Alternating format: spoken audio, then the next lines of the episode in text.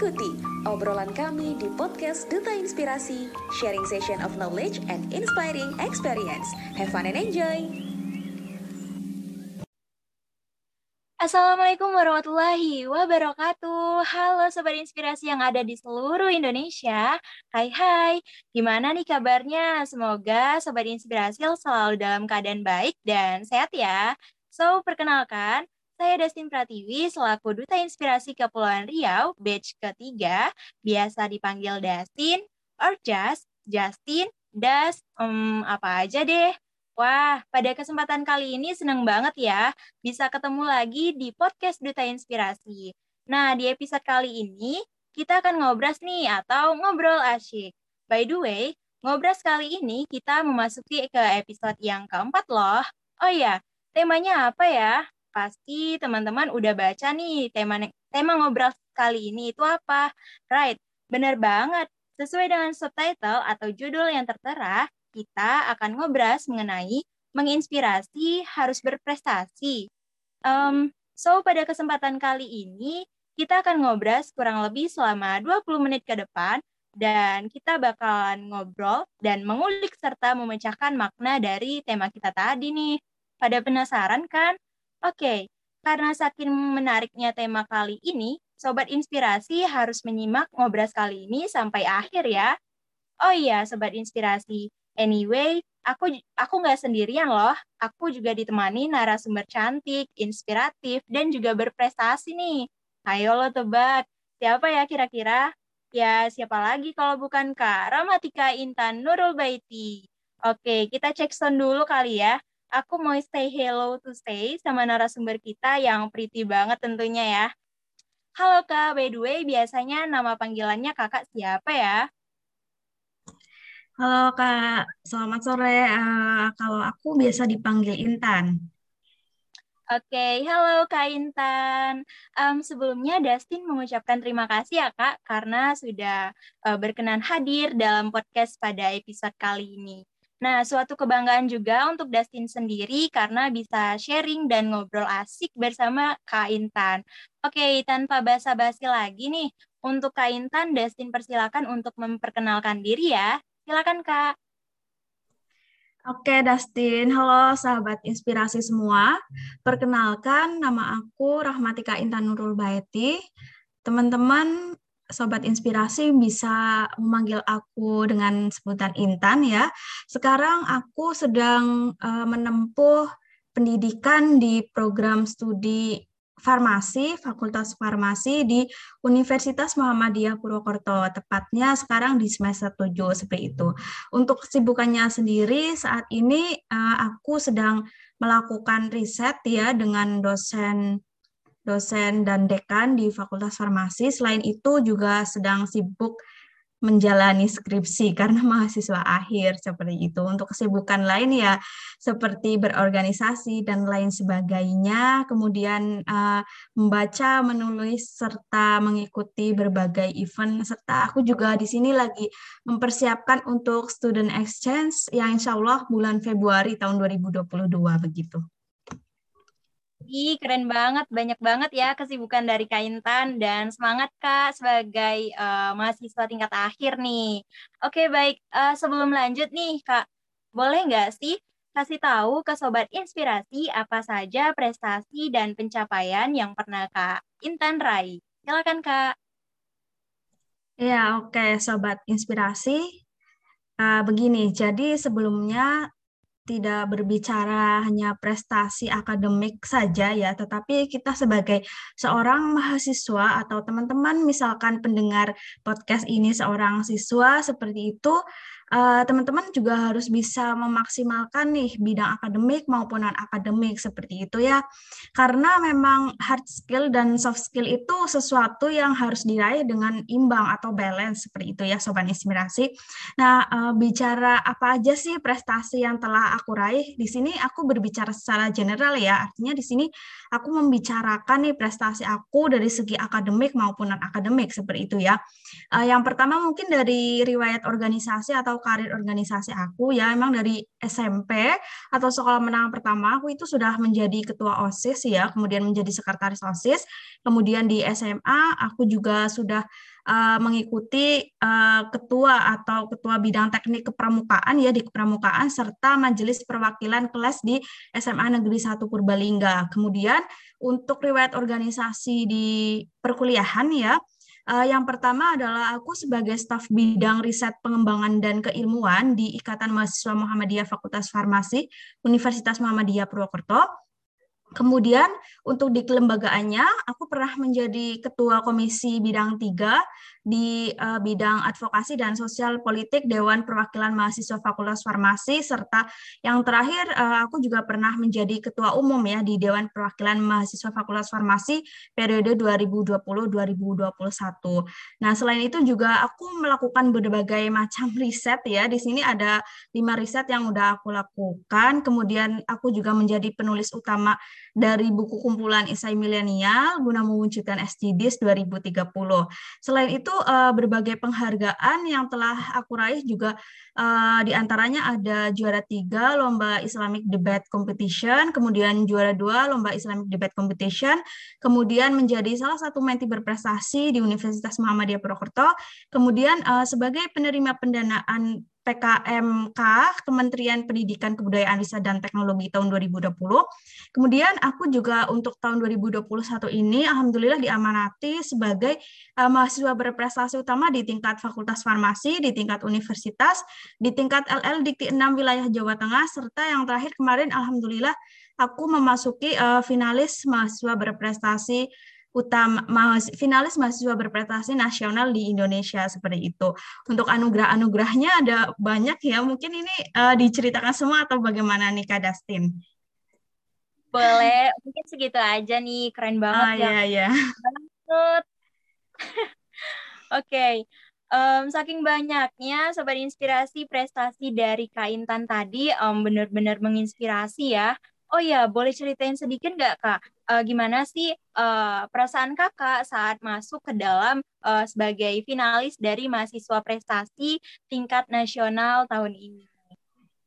Iya, oke okay, kak Dustin. Jadi uh, mengenai perasaan ya, yang pertama adalah aku mengucapkan banyak-banyak bersyukur seperti itu sih rasa syukur yang tak henti-hentinya saya ucapkan kepada Allah Subhanahu wa taala, kemudian kepada orang tua uh, aku yang sudah mendukung dengan penuh dan segala pihak yang sudah membantu.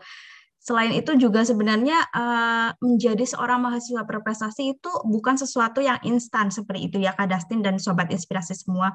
Karena menjadi seorang mahasiswa berprestasi ini dipersiapkan dari awal kita memasuki status sebagai mahasiswa atau kita berada di semester 1 hingga kita uh, di semester 6 atau semester 7 itu semua diakumulasikan untuk mengikuti event dari Kementerian Pendidikan Kebudayaan Riset dan Teknologi di Indonesia yaitu ajang Pilmapres atau pemilihan mahasiswa berprestasi seperti itu. Jadi eh, teman-teman apabila ingin menyandang sebagai seorang status mahasiswa berprestasi ini memang harus berjuang dari semester 1 hingga semester 6 seperti itu. Jadi tidak serta-merta kita bisa disebut sebagai seorang mahasiswa berprestasi itu eh, tiba-tiba uh, seperti itu ya, secara spontan seperti itu karena memang sesuatunya harus diperjuangkan sejak lama kita harus mengumpulkan CV sebanyak mungkin untuk kita di akumulasi nanti di ajang Pilmapres ini khususnya di Pilmapres nasional seperti itu. Wow, sobat inspirasi yang dengar aja pastinya ikut seneng banget ya. Tapi pastinya perjuangan juga nggak gampang juga ya.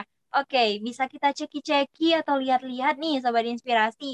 Tentunya dengan banyaknya berbagai prestasi yang sudah Kak Intan raih, Pasti secara nggak langsung Sobat Inspirasi sudah merasakan nih terinspirasi pengen meraih prestasi yang lebih baik lagi, lebih banyak lagi ya. Nah, berbicara mengenai uh, inspirasi dan juga prestasi, menurut kakak sendiri arti keduanya itu apa sih kak? Ya, jadi berbicara mengenai inspirasi dan prestasi tadi ya Kak Dustin ya? Ya, benar Kak. Ya, jadi menurut aku sendiri uh, bagaimana sih antara korelasi atau hubungan antara inspirasi dan prestasi itu adalah dua kata yang memang saling berhubungan dan saling mempunyai kilas balik atau feedback seperti itu. Jadi uh, seseorang bisa dikatakan menjadi uh, orang yang bisa menginspirasi, salah satu caranya adalah dengan berprestasi seperti itu. Nah, tetapi saya tanda kutipin nih di sini ya, ketika kita berbicara mengenai prestasi, berprestasi seperti itu. Prestasi ataupun berprestasi ini maknanya sangat luas ya. Dikembalikan lagi ke passion kita masing-masing seperti itu.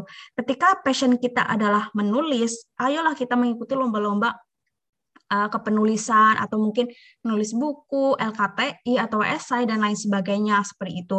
Kemudian misalkan passion kita di bidang olahraga nih, kita bisa kok berprestasi dalam bidang olahraga seperti itu. Jadi uh, memang adanya sosok inspirasi ini timbul karena prestasi, baik itu prestasi akademik maupun prestasi non akademik seperti itu. Jadi ketika seseorang itu bisa menginspirasi, tentunya salah satunya adalah dengan berprestasi untuk uh, menyebarkan ya, untuk menyebarkan daya positif, untuk menyebarkan semangat kepada teman-teman semua yang memang uh, di sekeliling kita bahkan kita diharapkan itu bisa menjadi inspirasi atau panutan ya kata lain dari inspirasi. Panutan bagi orang-orang dari sisi-sisi baik yang ada pada diri kita seperti itu. Jadi memang kedua kata inspirasi dan berprestasi ini sangat kuat ya hubungannya seperti itu Kak Dustin dan Sobat Berprestasi karena seseorang dapat menginspirasi salah satunya adalah dengan berprestasi seperti itu. Wih, benar banget Kak. Jadi keduanya itu pasti adanya uh, hubungan yang erat ya Kak. Nah, lalu uh, ada banyak stigma bermunculan bahwasanya sama nih dengan tema kita tadi uh, bahwasanya untuk menginspirasi uh, apakah orang-orang harus mempunyai prestasi dulu nih Kak? Ya, oke. Jadi sedikit membenarkan ataupun tidak kata inspirasi itu harus berasal dari prestasi. Bagi diri saya sendiri nih ya, bagi aku pribadi, 50-50 Kak. Kenapa? Yang pertama adalah mungkin kita juga bisa menginspirasi orang lain dengan cara berprestasi atau mungkin kita juga menginspirasi orang lain bisa dengan kepribadiannya kita, bisa dengan attitude-nya kita, kemudian bisa dengan uh, karya-karyanya kita dan lain sebagainya seperti itu. Jadi uh, tidak harus kok semuanya itu berasal dari prestasi, tetapi juga berasal juga dari berbagai pihak yang ada di dalam diri kita. Salah satunya juga bisa dari inner beauty dalam kita, dari diri kita seperti itu. Oke, benar banget Kak. Oke, Uh, by the way, kita berbicara nih mengenai hal-hal yang mungkin sekiranya relate ya Kak dalam kehidupan kita nih. Nah, sekarang ini kan banyak bermunculan dengan orang-orang yang uh, mungkin terkena kayak istilahnya mental health ya Kak, dikarenakan situasi dan juga kondisi saat ini yang pasti pastinya mungkin mendukung juga dengan status pandemi uh, eh, COVID-19. Nah, banyak juga orang-orang atau pemuda Indonesia mengambil kesempatan dengan mengam, uh, dengan memanfaatkan situasi dan kondisi tersebut dengan mengikuti kayak ajang lomba, duta dan sebagainya. Tetapi misalnya dia tuh kayak belum berkesempatan nih untuk lolos atau memang gitu uh, kayak uh, sehingga dia merasakan putus asa. Nah, gimana sih tanggapan kakak akan hal tersebut? Mungkin uh, sebuah motivasi atau tindakannya karena dia kayak merasa uh, putus asa tadi mungkin aja kayak teman-temannya atau lingkungannya itu tahu dia mengikuti ajang tersebut terus dia merasakan kayak uh, malu atau insecure karena nggak lolos di ajang tersebut. Nah, sehingga dia itu kayak merasakan uh, apa ya tekanan batin, stres mungkin dan terkenalah mental health tersebut. Nah, tanggapan dari kakak gimana sih kak? Pernah nggak sih uh, kakak menghadapi hal tersebut kayak insecure? Contohnya seperti itu dan uh, membangkitkan diri sendiri itu seperti apa mungkin aja uh, dari uh, motivasi yang kakak tanamkan atau yang kakak uh, jalankan bisa juga memotivasi atau terinspirasi atau menginspirasi sobat uh, sobat inspirasi yang sedang menonton kali ini. Oke, Kak Dustin. Jadi berbicara mengenai kegagalan, kemudian kesehatan mental, kemudian insecurity dan lain sebagainya ya, tentu bahkan sering aku alami ya, sering saya alami karena semua prestasi yang aku raih itu tidak serta merta setiap lomba berhasil, setiap kepenulisan berhasil, setiap riset itu berjalan dengan mulus itu tidak seperti itu ya.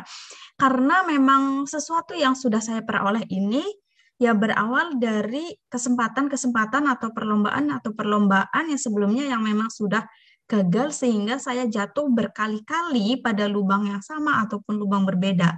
Tetapi prinsip yang aku terapkan di sini adalah aku terus mencoba. Aku harus bisa bangkit dan aku harus bisa berpindah dari kegagalan itu menjadi suatu kata kesuksesan atau keberhasilan seperti itu. Nah, kemudian untuk rasa insecurity, kemudian kesehatan mentalnya terganggu, bahkan mental breakdown kayak gitu, juga uh, saya pernah ya bahkan sering mengalami ya karena juga insecurity itu berasal dari orang-orang sekitar bahkan sosial media yang sekarang sedang berkembang seperti Instagram, WhatsApp lain, kemudian Telegram, LinkedIn, kayak gitu dan sebagainya. Di situ kan muncullah berbagai orang-orang hebat di Indonesia khususnya atau lagi di internasional pada umumnya ya.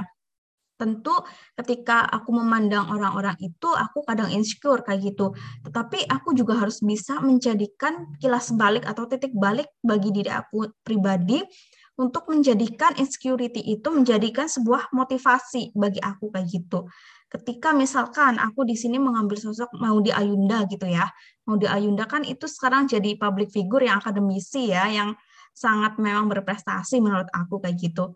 Nah, ketika uh, di situ aku uh, mengalami insecurity, aku uh, berpikiran positif bagi uh, pada diri aku sendiri kayak gitu. Kalau aku itu bisa, tapi dengan caraku sendiri kayak gitu. Aku bisa kok untuk uh, bangkit kembali terus juga aku bisa kok seperti dia tapi dengan versiku pribadi dan sesuai dengan passionku pribadi kayak gitu. Biasanya emang hal-hal yang aku lakukan adalah aku healing sebentar, kemudian uh, aku bangkit lagi, kemudian biasanya aku menonton atau melihat video-video uh, untuk memotivasi diri seperti itu Kak Dustin dan Sobat Inspirasi. Oke, mungkin uh, sedikit last question ya, Kak. Nah, dengan banyaknya prestasi yang sudah Kakak raih atau dapatkan, uh, gimana sih cara nerapin time management versi Kakak? Ya, oke. Okay. Berbicara time management ya, sebagai mahasiswa, apalagi mahasiswa berprestasi, tentu harus kita bisa memanajemen waktu itu dengan baik ya. Di sini aku membagi waktu itu dengan empat kategori, yaitu yang pertama adalah penting, yang kedua adalah kurang penting, yang ketiga adalah tidak penting tapi urgent. Yang keempat adalah di sini kita tidak penting dan tidak butuh seperti itu. Jadi kita bikin uh, wishlist dan set plan kayak gitu setiap harinya dan setiap harinya juga aku mencatat untuk kegiatan besok yang akan aku lakukan itu apa aja sih to-do list seperti itu ya gampangannya. Karena dengan to-do list itu aku bisa mencapai target-target setiap harinya bahkan setiap bulan dan setiap tahunnya untuk mencapai wishlist wishlist yang ingin aku gapai seperti itu Kak Dustin dan sobat inspirasi. Wih, keren banget ya Kak, time management dari Kakak ter tersusun, terarah juga. Nah, setuju banget juga sama opini Kakak mengenai prestasi dan juga menginspirasi tadi. Intinya, uh, kita percaya dan yakin aja sama diri sendiri dan berbanggalah atas pencapaian yang, yang udah kita perjuangin karena nggak semua orang tahu perjuangan kita seperti apa. Nah intinya nikmati aja, ikuti alurnya dan beri kebermanfaatan untuk sekitar. Percaya aja memang banyak orang yang mungkin nggak senang atas kesuksesan kita ya kak. Nah tapi ambil aja materi serta praktiknya bahwasannya orang tua, kerabat, sahabat uh, kita juga senang atas pencapaian yang luar biasa tentunya. Nah, lakukan segala hal dengan ikhlas, tulus. Insya Allah Allah juga senang atas perilaku serta perbuatan kita. Enjoy intinya enjoy your life, your you have to be yourself ya. Nah, Wah nggak kerasa banget ya Kak, kita udah sampai di penghujung acara, uh, penghujung ngobras episode keempat ini, saking enjoy dan asiknya ya Kak. Nah, oh iya, sebelum mengakhiri, aku juga mau minta sedikit closing statement-nya nih dari Kak Intan. Uh, mungkin Kak Intan ada sedikit pesan, kira-kira kayak uh, pesan dari kata-kata motivasi, mungkin seperti itu, Kak. Oke, baik. Terima kasih ya Kak Dustin. Untuk closing statement dari saya sendiri adalah kita sebagai generasi muda, kita adalah salah satu agent of change di Indonesia, lebih luasnya adalah di dunia, manfaatkan masa mudamu dengan baik, dengan semaksimal mungkin, raih mimpimu, raih citamu, terus berjuang, tetap semangat demi menggapai asa dan cita. Seperti itu Kak Dustin.